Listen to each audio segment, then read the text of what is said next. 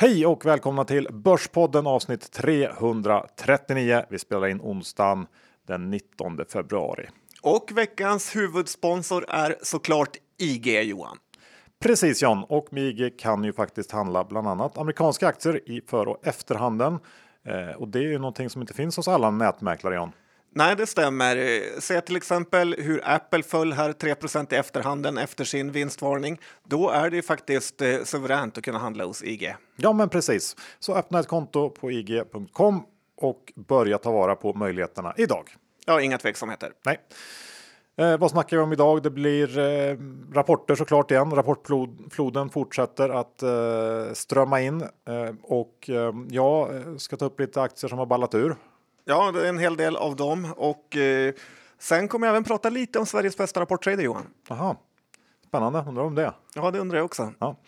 Men innan vi kör igång ska vi också berätta att vi är sponsrade av Saver och vi har träffat Savers VD Daniel Arenstrup. Det kommer här i slutet på avsnittet eh, då han får berätta om exakt vad det är Saver gör och eh, vi är väldigt glada att Saver sponsrar oss John för att det här är ju en ny tjänst, en ny fondplattform som verkligen kan hjälpa eh, alla er sparare där ute att spara väldigt mycket pengar.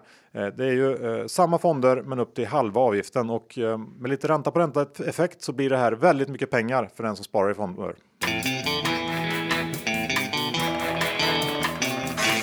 Johan, Dr. Bass Isaksson, vi har index i 1892 och det är starkt där ute får man ändå säga. Ja, vi fortsätter att vara väldigt motståndskraftiga mot egentligen allt och eh, det innebär väl kanske att det snart fortsätter upp över 1900 här. Vi får se. Eh, vi snackade förra veckan om att det snart borde komma vinstvarningar inför Q1 på grund av corona. Igår kom ju också den första när Apple meddelade att man inte kommer att nå sin guidance på grund av coronaviruset och det här kommer ju såklart att drabba massor av fler bolag. Eh, läste idag till exempel om hur Adidas aktivitet i Kina är ner 85 och att Adidas menar du? ja, man får uttala hur man vill.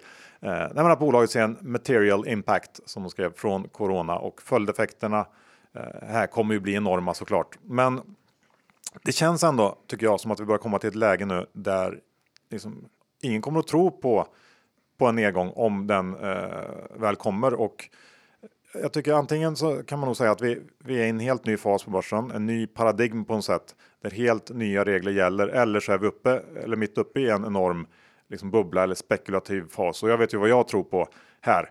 Eh, men det är ju någonting som har förändrats eh, på slutet ändå på riktigt. Ja, min teori är väl att de här med gratispengarna mer och mer sipprar in i systemet och eh, långsamt så höjs värderingarna så länge nollräntan består. Ja, precis. Och det går ju ganska snabbt också på vissa håll. Men jag tänkte ta några. Man ser fler och fler exempel på det här på aktier som rör sig på ett sätt som inte riktigt går att förklara. Jag tänkte ta några exempel för att göra det lite mer konkret. Ja, men det är kul. EQT, eh, e jag vet att du skulle ta upp EQT lite senare i avsnittet, ja. men jag måste ändå ta den här. Ja, jag hoppas du säger något negativt. ja, men sattes ju på börsen i höstas, 67 spänn, eh, står i ungefär 160 nu idag. Eh, verkar gå upp ungefär 2% om dagen, i alla fall en dålig dag. Um, och vad har hänt sedan dess? Det är ju ingenting alls egentligen. Man har lanserat en ny eh, Eh, stor fond i och för sig, men det är väl liksom någonting som EQT bör göra. Det ligger väl i förväntningarna kan jag tänka mig. Ehm, och tittar man på vad EQT väntas göra i år så är det 4 miljarder i ebitda, börsvärdet en bit över 150 miljarder nu. Eh, det är svårt att hitta ord här tycker jag. Ehm, och ehm, det kanske är någon slags kombination av, av, en ganska liten free float och något slags mekaniskt köpflöde som är förklaringen. Men det är ändå galet kan jag tycka. Ja, men jag kan ändå fortsätta här. Det är ju liksom Conny Jonsson eh, har ju satt det här på börsen och det är inte så att han har gett bort några gratis eh, pengar direkt. När aktien gick in, den gick in på 60 kronor, 67 kronor har jag för mig. Och då var det ju Bodenholm-Per, har jag för mig, som gjorde någon klassisk eh, rant om att han absolut inte skulle teckna aktier till det priset. Nu är aktien i 160 här, vilket är ju helt eh, otroligt.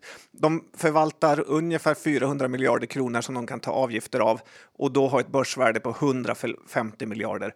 Är ju, ja, det är svårt. Då. Jag har börjat banka aktien det har ju varit totalt fel då den har gått upp över 10% på bara en och en halv dag som jag varit kort den här. Jag vet att eh, aktielånen är slut eh, på sina ställen Så att det finns en möjlighet till att det här blir en riktig short squeeze eh, eh, som man får vara rädd och passa sig för. Men värderingen har verkligen lämnat eh, stratosfären. Ja, men så är det.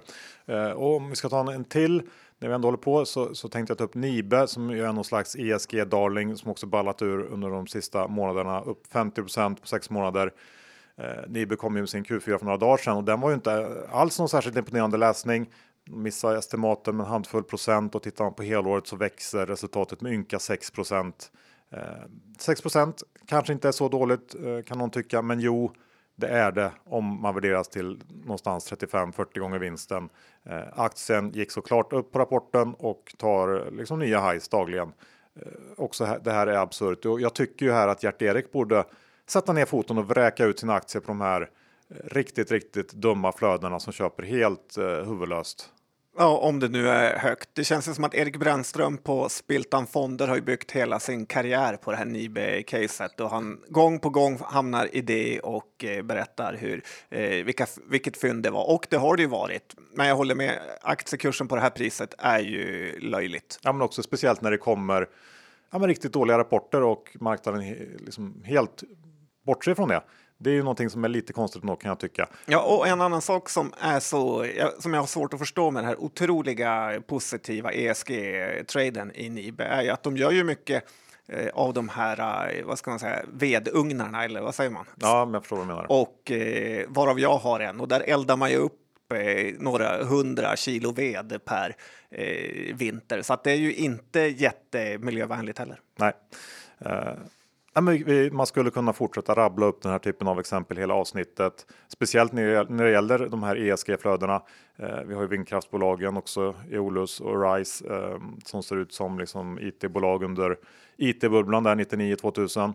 Eh, för att inte tala om, om Powercell som också helt liksom lämnat allt förstånd någon annanstans. Eh, jag såg någon som twittrade om att tyska sparare dundrat in i de här bolagen i jakt på renewables. Kanske är så, jag vet inte. Ehm, men det värsta här är väl kanske att den här ESG-bubblan egentligen kanske bara börjat. Jag såg att eh, Jeff Bezos eh, gick ut med att han startar sin egen klimatfond, Bezos Earth Fund.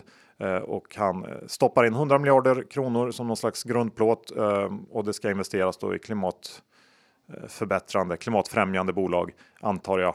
Eh, och fler kommer säkert följa här. Eh, här finns ju alla ingredienser för att skapa en, en liksom sinnessjuk bubbla som kommer att kosta många sparare enorma pengar. Eh, jag tror att det kommer inte dröja särskilt länge innan vi får en ny liksom, noteringsflod av nya små scambolag inom den här sektorn som ska komma till börsen. Det här är ju en sektor som passar utmärkt för just eh, scams. Man kan göra konstiga maskiner som ska liksom, eh, förbättra världen men som inte funkar. Vi har sett det förr och vi kommer få se det ännu mer framöver tror jag. Eh, ja. ja, men du låter nästan lite besviken på hela rörelsen Johan. Nej, jag bara, jag bara konstaterar och... Um, du är bara dig själv för ja. en stund. Men då lämnar vi nu uh, det här och um, coronaviruset var inne på lite grann i början. Uh, vad har du att säga om det John? Nej, men jag tycker att jag har fått upp eh, lite hoppet för mänskligheten via det här coronaviruset. Eh, trots att alla bara säger att Kina bryr sig om pengar och tillväxt eh, så tycker jag ändå att de har visat att det är precis eh, tvärtom. De har stängt allt för att stoppa spridningen, vilket måste ha kostat alltså, ofattbara summor pengar precis nu när man ser hela världsekonomin eh, få ett litet hack i kurvan här. dessutom har ju många av våra svenska bolag också visat att de tänker på sina medarbetare här, bland annat John Jan på Vioneer eh, skrev så här angående coronaviruset. Eh, våra medarbetares säkerhet och hälsa sätts alltid i första rummet. Eh, till dags dato har vi inte fått eh, någon information om att någon av våra medarbetare har eh, smittats. Så att all in all tycker jag ändå att världen har visat att hälsan faktiskt är viktigare än pengar. Ja, men kul att du väljer att se det så. Ja, det Kanske stämmer. Ja. Um, vi går över till investeringsbedrägerier. Ja, det måste man faktiskt prata lite om. Det är ju eh, många som pratar om det och det är väldigt, väldigt konstigt att ingen myndighet gör någonting åt det här. Eh, det är investeringsbedrägerier inom eh, bedrägerier inom krypto, galna fejkinvesteringar har ju ökat oändligt mycket. Jag läste att snittbedrägeriet var ungefär 500 000 kronor och ja, folk är ju kassa som går på det här. Men grejen är ju att EBM och eh, liknande myndigheter gör ju precis ingenting för att eh, stoppa det. Eh, de säger att det är omöjligt att spåra. Ja, men gör något åt det ändå. Se till Twitter, Facebook och alla andra ställen där det pitchas för sånt här, att de får sluta upp med det, annars så åtalas de för medhjälp. Och jag tycker det är pinsamt att se på när myndigheterna inte gör någonting för att hjälpa folket, eh, särskilt de svagaste som blir utsatta här. Man ska ju veta att det här med investeringsbedrägerierna är ju så osannolika och dåliga upplägg just för att eh, bedragarna ska sålla bort alla normalbegåvade människor och då bara få in extremt naiva och osmarta kvar som eh, är betydligt mer eh, lättjobbade. Igår ringde det faktiskt en indier till mig och pitchade om något, men redan efter en minut så förstod hon att jag satt och drev med henne och la på. Så tänk på det. Ja, jag håller med och jag håller verkligen med om att det faller ju liksom en, en rejäl, liksom ett rejält ansvar på just uh, aktörer som Facebook och Twitter. Att de borde ju uh, verkligen kunna fixa det här. Uh, och ja, men jag håller med. Man borde hota dem, gå på dem, ja. böter och så vidare. det är inte mer än rätt. hur är det med blankare, blanka listan? Ja, men blanka listan är lite rolig Johan, för att den kommer ju varje dag. Läser du den? Absolut, den är spännande. Och eh, det indikerar ju verkligen på den här listan att eh, robothandlarfirmorna tar över vår börs eh, mer och mer. Nästan varenda bolag eh, som är blankat är det någon halvsuspekt datafond eh, som ligger bakom. Eh, dessutom så känns det som att alla de här firmorna är så otroligt trendföljande så att så fort ett bolag visar lite svaghet så ligger de där och trummar på med sina säljsnurror och dataorders och bara fortsätter att sänka aktierna. Förut hade jag ju mer respekt för blankarna som var några som försökte hitta bolag som var misskötta. Eh, Medan nu känns det som att de här robothandlarfonderna tvingar aktierna dit de vill. Eh, det är mer också att de sparkar på den som ligger. Ja, verkligen. Och eh, tittar du på listan här så det är ju World Quant eh, ligger med på i väldigt många aktier. Thunderbird Capital, Marshall Ways och Voelon. Eh, helt okända i övrigt på svenska börsen utan totalt eh, akt aktivist eh, blankarfonder som bara är ute för att förstöra. Yes, um, och hur var det nu? Ska vi avsluta med den här tradern som var så bra? Ja, Sveriges bästa rapporttrader. Eh, jag har ju titulerat dig det här nu i kanske en 5-6 eh, års period här. Men du har ju hela tiden försökt att lowballa det ja, när du vill verka ödmjuk, vilket absolut inte stämmer överens med verkligheten någonstans Johan. Eh, men jag har inte sagt något utan jag har hållit inom mig. Eh, men nu orkar jag faktiskt inte bära det själv längre, utan det är faktiskt dags att exposa dig för svenska folket eh, så att de får reda på sanningen. Eh, så jag tänkte läsa upp lite mess här i vår tradergrupp eh, från en fredag för några veckor sedan. Eh, är du redo? Shoot! Eh, klockan 09.13 fredag morgon. Leo känns som ett köp och eh, det var efter deras pressmeddelande om Royal Panda. Lite schysstare där att dela med dig av dina idéer, men sen brakar det lös. Eh, eh nytt mess. Tradar som en gud för övrigt. Eh, sen kommer bara så ni vet följer du upp det då när du tycker att du får för lite respons. Sen går Leo upp massor och då skickar du en bild på en raket. Eh, inte su superödmjukt om du frågar mig, men eh, visst. Och sen kommer nytt mess. Köpte Danske Bank tidigt som den globetrotter jag är eh, när det snackades om att de skulle slippa böter och aktien gick upp massor. Nytt mess. Som att jag har något övernaturligt. Eh, nytt mess. Infon kommer till mig. Eh, men sån är du. ja, jag vet inte vad jag ska säga. De där, det är ingenting jag känner till, eh, de där grejerna. Men eh, ja. Som jag sa i inledningen John, rapportperioden är inte slut än utan det kommer in en hel del bolag. Eh, Imorgon torsdag är det ju faktiskt nästan 100 rapporter på en dag. Även om de flesta är scam eller inte åt eh, storbolagshållet i alla fall. Ja, bra att du korrigerar det lite grann där. Men det är ju som du säger, mycket, lite mindre bolag som kommer in nu. Jag tänkte dra av eh, ett sånt här direkt och det är ju bredbandsoperatören Bahnhof. De känner vi till. Eh, ja, det har varit en favorit hos dig länge. Ja, men kommer sin Q4 igår, eh, som vanligt klockan 9.00. Vet inte om det är någon slags statement av vd Karlung där, var lite på tvärsan, kan vara så, men i alla fall. Eh, Q4 blev eh, en fin avslutning på ett lite stökigt år för Bahnhof. Första av halvåret förstördes ju av prishöjningar i stadsnäten och det tog lite tid att kompensera för det ut mot kund. Men ehm, om vi tittar på Q4 igen då så växte man 16% här i kvartalet, kom in strax under eh, lönsamhetsmålet på 12 och Bahnhofs prognos för 2020 sattes till 1,5 miljard i omsättning och 180 miljoner i ebit, vilket då är 15% tillväxt och 12% i marginal eh, det vill säga samma eh, ambition som under 2019. Och tittar man framåt så kommer det ju se riktigt bra ut under H1 här. Extremt lätta komps hjälper till. Eh, och i övrigt är ju det här en verksamhet som borde kunna värderas ganska högt givet stabiliteten. Den stora osäkerheten just nu ligger väl till stor del i Elementica som är den här stora datahall som Bahnhof valt att då köpa tillbaka. Eh, man sålde ju ut en del av det och eh, nu då köpt tillbaks det och man ska bygga det i egen regi. Eh, bygget ska enligt planerna påbörjas här i slutet av 2020 och här finns såklart både möjlig uppsida och nedsida beroende på hur man sköter den här processen. Men eftersom det är någonting helt nytt för Bahnhof, det är någonting annat än att driva våran bredbandsoperatör så tycker jag ändå att det, hamnar på osäkerhetskontot, kanske dra ner lite grann tills vi vet några, något mer om det. Ehm, men med det sagt så äger jag lite aktier, tycker att det är ett ganska bra tråk-case eh, som det ser ut nu. Ja, men jag har också lite aktier och som du säger väldigt eh, oroligt blir det när rapporten släpps eh, 09 på morgonen. Jag såg också att de har betalat ut eh, sina, eh, den här likviden för oss som i princip lånat ut pengar gratis i tre år till Bahnhof.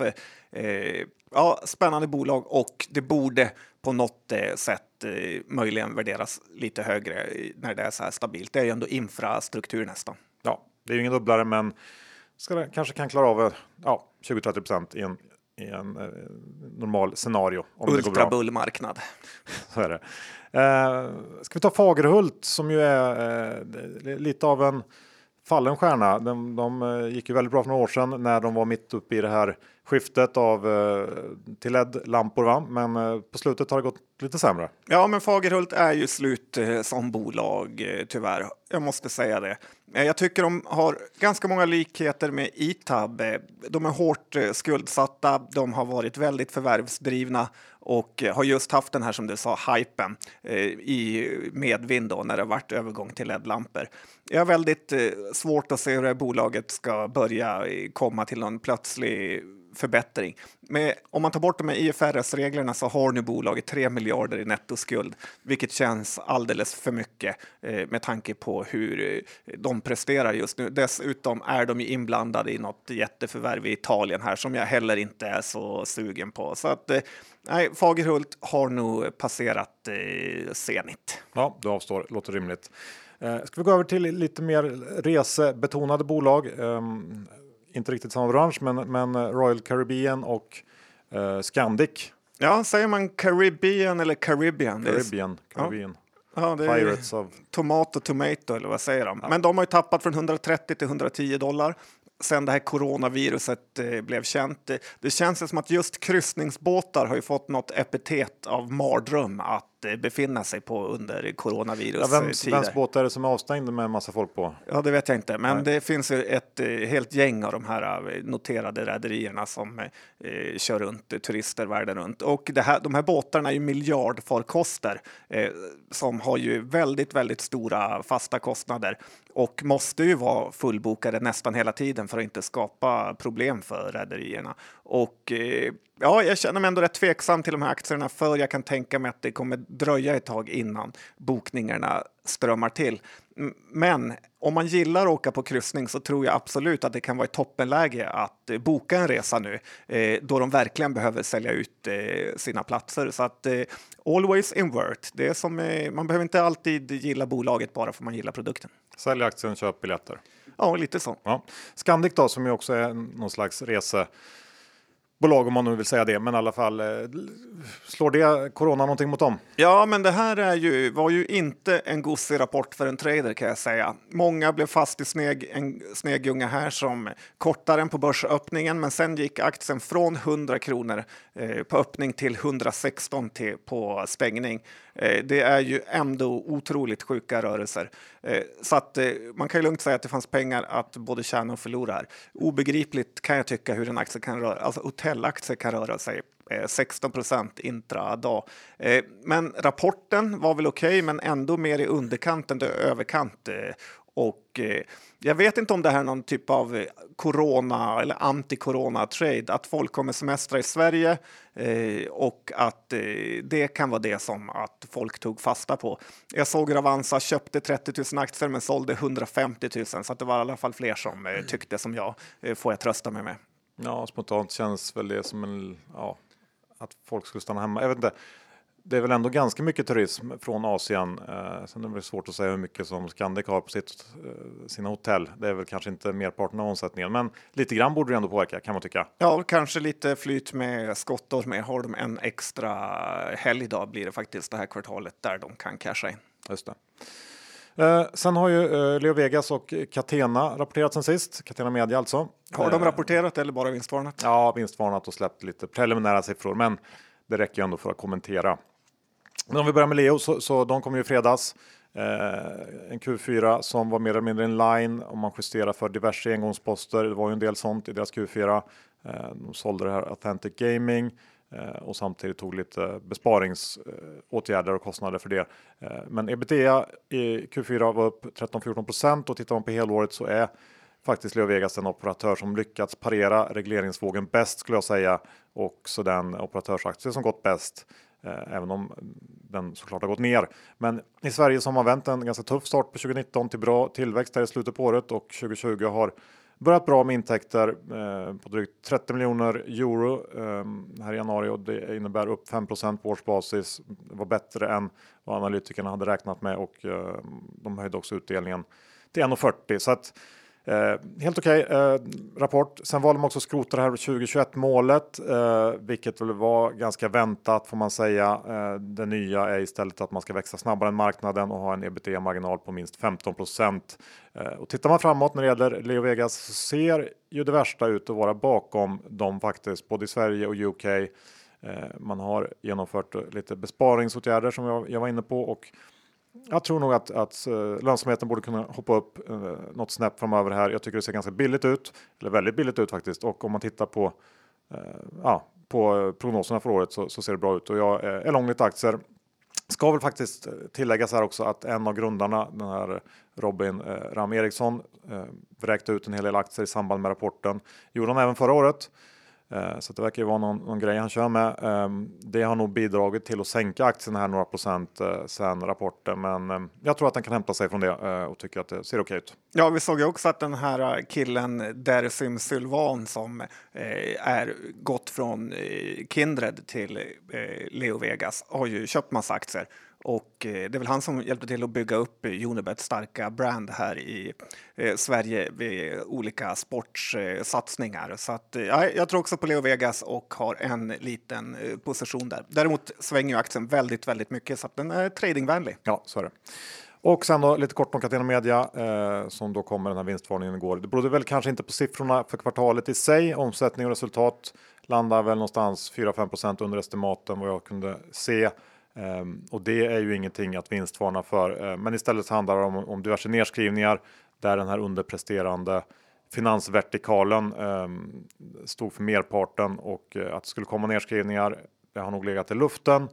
Um, och den, den stora frågan nu uh, är väl hur det här eventuellt påverkar en omfinansiering av det här obligationslånet och det kanske också kan bidra till ännu mer osäkerhet kring till Catenas tillgångar i stort och även möjligheterna i USA för att en mindre del av eh, nedskrivningen handlade om just USA och justeringar av intäkter där. Ehm, och det såg väl lite tråkigt ut, men de hävdar ju att det är en, liksom relaterat till en enda operatör och att det inte ska vara någonting som kommer tillbaks. Men vi får se vad som händer här. Ja, men jag tycker att det är dags för Catena Media att steppa upp här. De har verkligen inte gjort aktieägarna nöjda och det får vara slut med nedskrivningar och börja leverera lite shareholder value. Ja, kanske eh, kan man börja med det nu, men det är ju verkligen upp till bevis ändå för gänget där. Eh, vi går över till eh, Serad. Ja, Helt annat. Det här är ju Labulls nya case eh, och eh, man får säga att det är kanske en liten lillebror till Elekta Research. Eh, det är ju Labull säger att han ska äta upp sin hatt om inte 2020 blir Serads år. Och eh, utan att kunna något eh, så köpte jag direkt 3000 aktier när jag såg det här och sålde dem två kronor upp. Så tack för 6000 Labull. Jag kanske får bjuda något på något någon gång. Eh, men jag vet in, ingenting om Serad egentligen. Eh, men man vet ju att både Elekta och Research har haft det riktigt, riktigt tufft på börsen. Eh, så oavsett eh, vad man tycker att någon, hur bra man tycker att andra investerare är så gäller det att vara beredd på både det bästa och eh, värsta här får man nog säga. Eh, titta i rapporten, orderstocken ser ju ganska bra ut i Serad eh, så att kommande kvartal har ju en fin möjlighet att eh, bli bra. Eh, bruttomarginalen är också bra här, det gillar ju Labull kring 60 procent. Eh, dock så har ju Serad eh, samma problem med såna här långa perioder mellan order och eh, riktiga pengar. Eh, samma då som Elekta liksom blivit blankade och kritiserade för. Eh, dessutom så aktiverar Serad en hel del intäkter, vilket också gör att resultatet ser bättre ut än vad det är. Inga jättepengar ändå. Och slutligen så jobbar de med fakturabelåning, eh, vilket är ju en indikation på att de inte har så mycket cash. Och det är, känner man igen från andra bolag, brukar inte vara eh, jättegoda nyheter. Okej, tack för det. Jag har inte mycket att tillägga när det gäller Serad, utan vi går vidare till ett gammalt krisbolag. Jag tänker på Eltel. Hur ser det ut nu? Nej, men jag vill bara säga så här att de har kommit med rapport och eh, det är ju återigen ett tecken. Håll inte på med turnarounder för att eh, eh, det är ju förmodligen det sämsta. Du kan slösa bort dina pengar och slösa bort din tid och bolag som Eltel visar det. Att eh, trots allt fix och ledningen säljer ut och eh, berättar hur bra det ska bli i framtiden så händer ingenting. Bolaget är en eh, penga eh, uppbränningsmaskin eh, eh, och har varit så sedan det kom till börsen. Så eh, stay out från turnaround så kommer din aktieportfölj må bättre i långa loppet. Det är nog ett bra generellt tips. Ehm, sen tänkte jag ta två bolag till som man egentligen hade kunnat driva av här i början i första delen när jag gick igenom orimliga kursreaktioner och för högt värderade aktier. Men de kvalade ändå inte riktigt in. Eller ja, det gjorde de. Men jag tar dem här ändå. Um, Börjar med nummer ett, Vitec. Kollar du på den rapporten? Ja, det gjorde jag. Jag blankade aktien, vilket man inte skulle ha gjort. Umeåbolaget som bara har en väg och det är uppåt. Ja, riktigt kass Q4, men som du sa, det spelar ingen roll. Aktien öppnar ner 10% Nu efter någon dag så har eh, allt hämtats hem och eh, vi är tillbaks. Det var innan rapporten, eh, vilket är väl på all time high ungefär gissar jag. Och under fjärde kvartalet så minskar Vitec eh, sina intäkter med drygt 8 organiskt och rörelseresultatet föll från 34 till 26 miljoner. Um, visst att man håller på att ställa om här från licensintäkter till återkommande och att det påverkar. Men det var ju ändå bara 17 miljoner så att det var inga enorma pengar. Nej, men jag tycker precis och jag tycker inte att den förklaringen håller hela vägen, speciellt inte när man då värderas till vad det nu är, P40, 50 kanske. Det är ett för dyrt bolag helt enkelt. Eh, inte så mycket mer att säga om Vitec. Nej, det enda man kan säga är att det har alltid varit eh, dyrt och eh, det känns lite som att det är någon typ av konspiration nästan mellan fonderna. Att går aktierna ner mycket så handlar de upp dem. Det, ja, det är svårt att förstå. Ja, det är lite så. Säljer ingen kan inte gå ner. Nej, smart tänkt. Mm, ganska smart. Eh, Garo har vi också. Um, ett bolag som jag eh, älskar att hata kan man säga. Laddningstrenden hakar de på. Ja, rider på den e-bilshåsen med sina laddstolpar. Men eh, alla vet ju att det här egentligen är en vanlig byggunderleverantör eh, som sminkat upp sig lite grann. Och samma sak här, usel rapport. Aktien öppnar ner typ 10% för att sedan stänga på plus. Eh, omsättningen var upp ynka 4% och resultatet i Q4 minskade. Vdn flagga också i vd-ordet såg jag för avmattning efterfrågan eh, på byggrelaterade produkter i takt med att eh, eh ja, antalet byggstarter ska, ska minska här under 2020. Och vad får man då betala för det här? Jo, P40 ungefär. Det är också makalöst. Ja, och folk som tror att vi har blivit liksom för gnälliga, det är bara att titta på Malmberg hur en aktie kan gå från 170 till 50 kronor när marknaden inte gillar dem längre. Så att, eh, och köpa aktier på den här värderingen har sitt pris om de inte levererar. Och den här rapporten kanske de kommer undan med en eh, kassrapport, men kommer fler sådana här så ska aktierna ner. Ja, så är det. Och problemet är ju, visst det funkar ju nu när allting går upp och liksom det är någon slags monsterhås och räntan är på noll och vi ska kunna ja, eh, leva med det här i all evighet känns som. Men problemet är ju att om det är någonting som förändras så finns det liksom inget värderingsstöd någonstans. Eh, eller i alla fall väldigt, väldigt långt ner i de här typen av aktier som värderas högt. Och det är det som blir jobbigt om det väl någonting förändras. Eh, det ska man ju ha med sig på något sätt. Eh, Säkerhetsmarginalen är låg, som någon som har läst investeringsböcker skulle säga. Margin of safety, ja, någon sån finns det inte här helt enkelt. Och John, um, ska vi avsluta med ett datum? 1 augusti 2017. Ja, en eh, traumatisk dag för mig. Jag köpte 35 000 Evolus Vind på 20 kronor och 80 öre för totalt 728 000 kronor. Eh, jag sålde de sista eh, oktober 2017 för eh, 25. Den pussen idag hade varit värd ungefär 6,3 miljoner kronor. Det är svårt att ta in, men det går verkligen att bli rik på aktier och det ska man inte glömma bort. Eh, eh nu har jag svårt att eh, faktiskt se någon mer övervärderad aktie än Evolus Vind egentligen, men eh, ändå. Har du lite flyt och eh, uthållighet så går det att tjäna pengar. Så varje år 1 augusti tänder du ett litet, litet ljus vid en tradingstation och gråter en skvätt. ja, lite så. Och nu eh, John, innan vi eh, säger tack och hej. Vi har ju som sagt träffat Savers vd Daniel Arenstrup och frågat honom hur egentligen Saver funkar eh, och ja, allting man behöver veta om Saver. Ja, det är bara att lyssna. Daniel Arenstrup, vd på Saver. Välkommen till Börspodden. Tack så mycket. Vi kan väl direkt börja med eh, vad gör Saver för de som inte känner till er? Så Saver är en ny fondplattform uh, som då egentligen ett alternativ till Avanza Nordnet för fondhandel. Och uh, den stora skillnaden är att uh, vi har samma fonder men till lägre fondavgifter. Ni har fått sinnessjukt mycket uppmärksamhet i media. Eh, hur har mottagandet varit från eh, kunderna? Um, ja, det har ju varit över all vår vildaste förväntan kan man säga. Um, både kundinflödet men framför allt kapitalet som kommit in har ju uh, ja, det har varit, uh, gått fantastiskt uh, snabbt måste jag säga. Hur kom ni på den här idén? Vi kom egentligen på den genom att prata med fondbolagen. Um, och när vi pratade med fondbolagen så började vi inse att uh, Eh, den här marknaden är lite skev och fungerar inte så bra. Uh, och det har visat sig genom att fondbolagen är helt beroende av ett väldigt litet antal eh, distributörer. Uh, du har i princip två nätplattformar, Avanza Nordnet, och sen så har du en liten grupp stora rådgivningsjättar som, som är deras enda väg ut till privatspararna.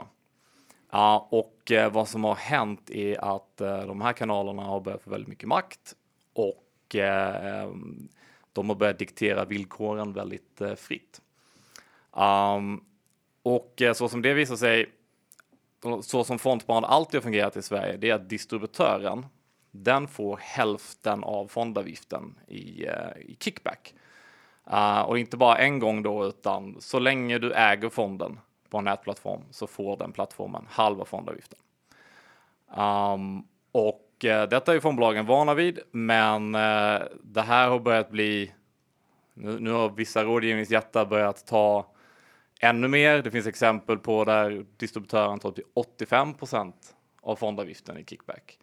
Um, och uh, det, här är, det här börjar kännas för fondbolagen.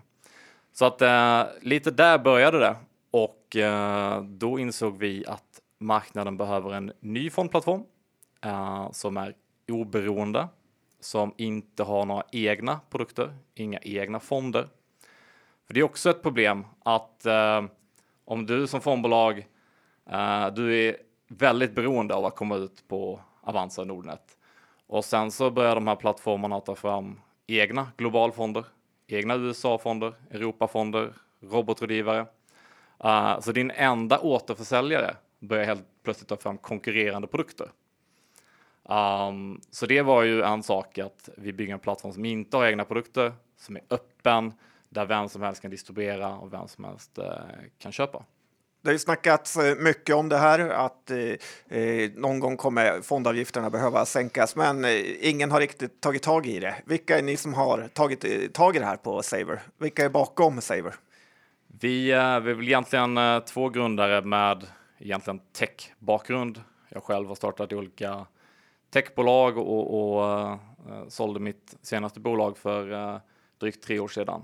Uh, och det var väl i samband med det som vi startade det här projektet. Um, förutom det så är det en ganska stor grupp privatinvesterare, um, drygt 20-tal. Ehm, så vi har Inget institutionellt kapital, inget eh, kapital från bankerna eller någon annan beroende aktör, utan eh, det är, det är privata investerare som står bakom. Hur har det gått med alla tillstånd och liknande? Har ni dem? Det har vi och vi går genom befintliga infrastrukturer. Vi har depåerna, alltså ett bolag som heter Fondab som har funnits i 20 år.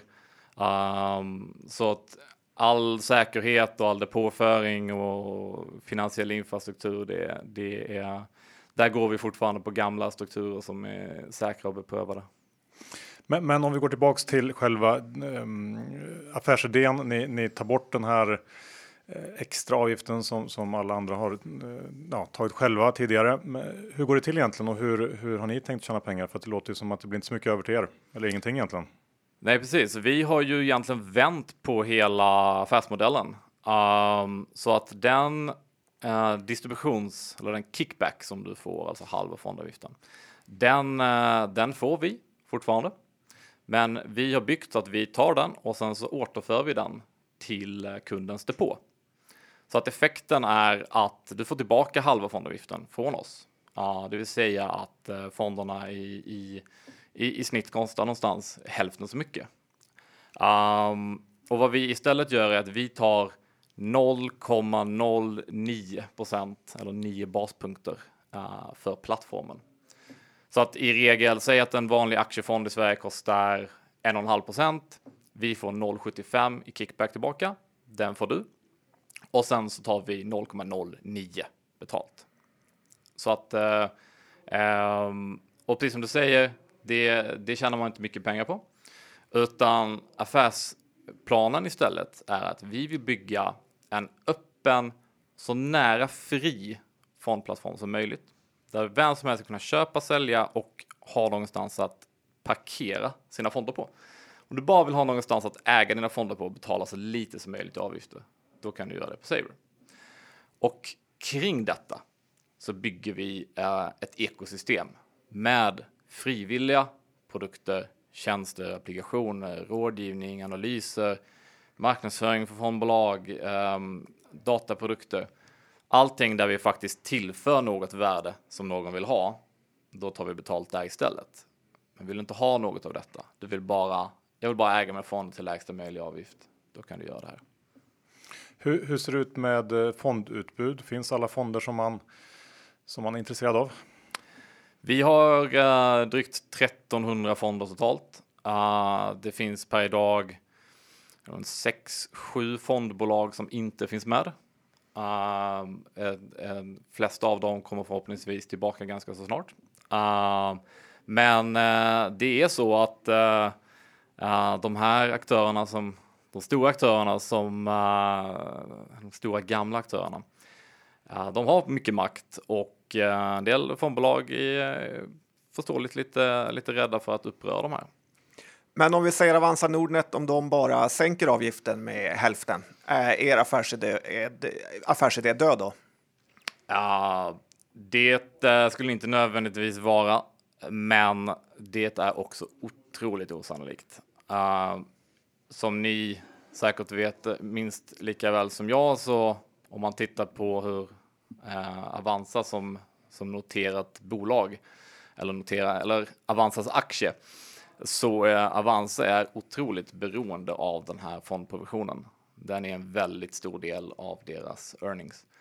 Um, och eh, det, det, skulle aldrig klara av att eh, följa med och göra en sån sänkning. Det skulle vara för riskabelt. Uh, men för oss som bygger bolaget från scratch på det här viset vi kan, eh, vi eh, kan bygga det på ett helt annat sätt och vi, vi kan från början uh, bygga den här typen av affärsmodell. Och den är väldigt svår att ställa om när du har den legacy som de andra aktörerna har. Jag läste att Penser har ett blankar-case nästan helt byggt på Saver. Vad, har du någon kommentar kring det? Uh, jag, ehm, ja, jag, jag, har sett den, men jag vet inte riktigt om jag kan, eh, kan kommentera den så. Men precis som jag sa så det är inte Caset handlar egentligen inte, eller deras case handlar egentligen inte bara om oss, utan det är en tvådelad. Det handlar om konkurrens från Leaked Saver. Um, ehm, det handlar även om att uh, Finansinspektionen återigen tittar på den här Mifid 2 uh, eh, regelverket. Uh, och Mifid 2 kom för två år sedan och eh, då var tanken att eh, provisioner helt skulle förbjudas. Ah, det skedde i resten av Europa, men Sverige av någon anledning tolkade inte lagen så. Eh, provisioner är fortsatt tillåtet i Sverige. Ah, och det räddade ju Avanza Nordnet verkligen. Ah, men nu tittar FI igen på om det är så att det kanske ska förbjudas och då skulle ju det ta ett rejält slag på dem. Hur, hur tycker du det ser ut bland, bland konsumenter där ute som sparar i fonder? Känner de till det här i en stor utsträckning eller, eller vet man om att hälften av avgiften går till, till plattformarna eller historiskt har gjort det? Det, eh, det skulle jag inte säga att man, man känner till. Uh, det är ju provisionerna är, jag tycker att det, det är liksom roten till allt ont i det här systemet. Um, det finns så mycket dåliga bieffekter av detta. Uh, men i stort så innebär det ju att distributörerna kommer alltid vilja sälja de fonder som eh, har högst avgifter. För att då får du högst provision. Uh, och uh, det är ju det som har varit liksom, roten till, till mycket av den problematiken med alla rådgivare då som har liksom inte rådgivit om de bästa fonderna utan de får bäst betalt för. Uh, men i en värld uh, som är i då resten av Europa där uh, en fond kostar någonting. Den kostar 1 procent och sen så kostar plattformen som du köper den på. Den kostar ovanpå det. Eller rådgivaren kostar ovanpå det. Det blir transparent, tydligt. Fonden kostar det här.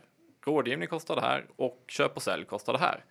I Sverige så är det ju bara du, du, du tittar på det och säger, ja men fonden kostar 2% och sen så är det bara en, en rad av kickbacks som, som liksom rör sig under det istället. Det blir väldigt otydligt. Det är ju ändå en kostnad i administration att ha kunder och know your customer och allt vad det heter.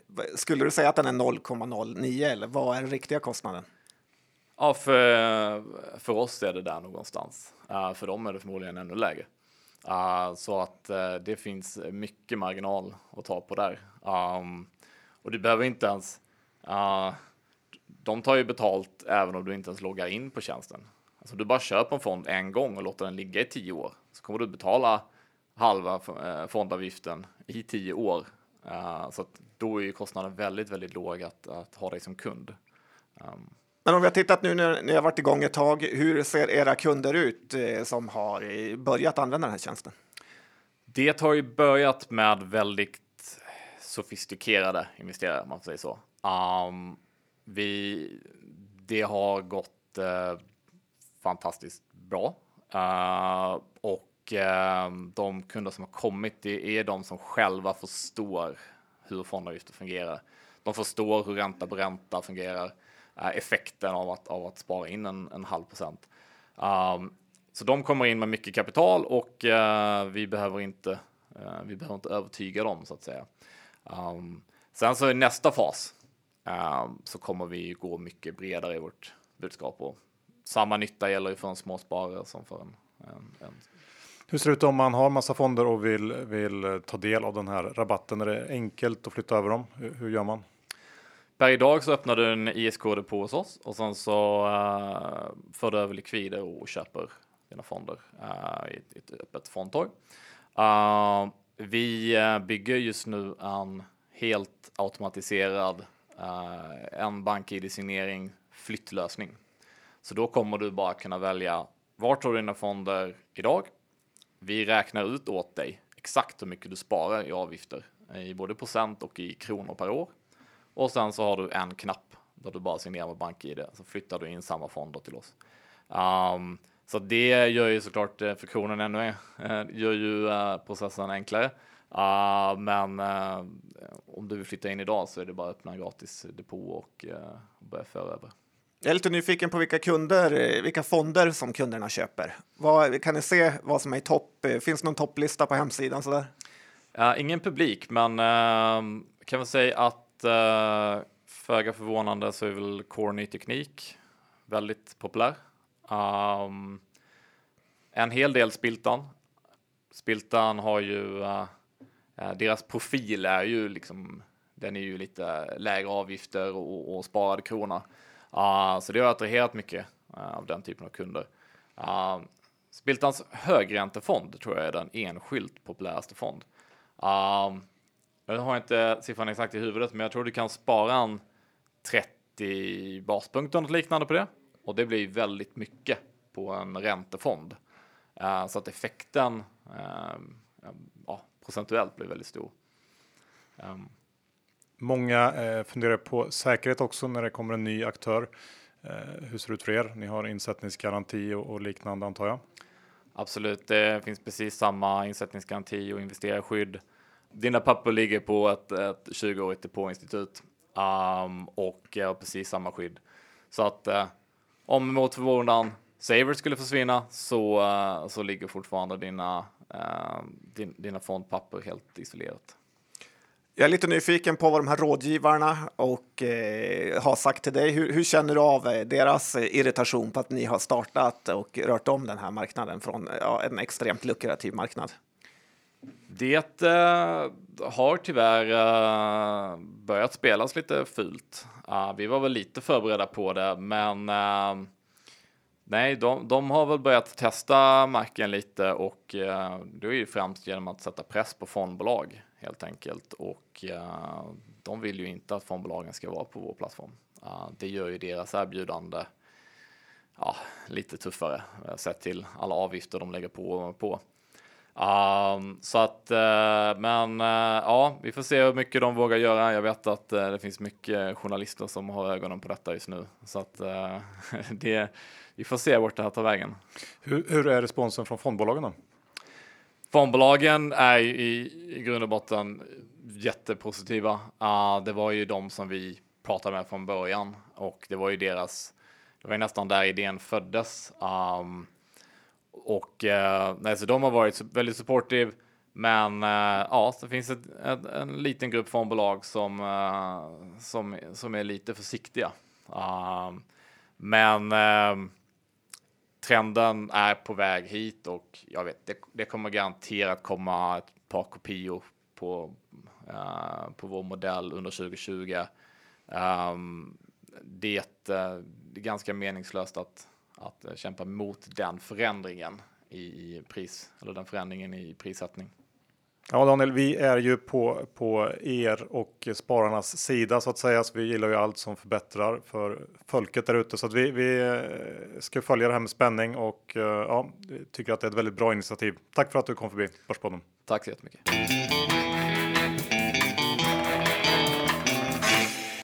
Slut på avsnitt 339. Eh, vi tackar vår huvudsponsor IG. Det gör vi. Nu när allt är dyrt kan det vara bra att ha blankningsmöjligheter. Ja, förr eller senare kommer det vara det i alla fall och då gäller det att vara redo.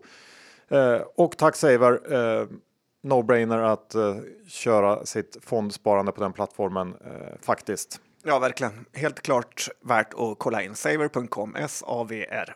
Mm. Eh, och när det gäller innehavsredovisning, jag är lång, eh, vad hade vi här egentligen?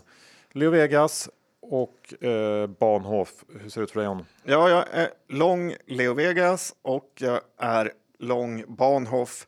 Jag är eh, dessutom kort, vilket jag gråter lite för EQT. Eh, så, så var det med det. Fint, fint. Då säger vi tack och eh, hörs om en vecka igen helt enkelt. Det gör vi. Hej då!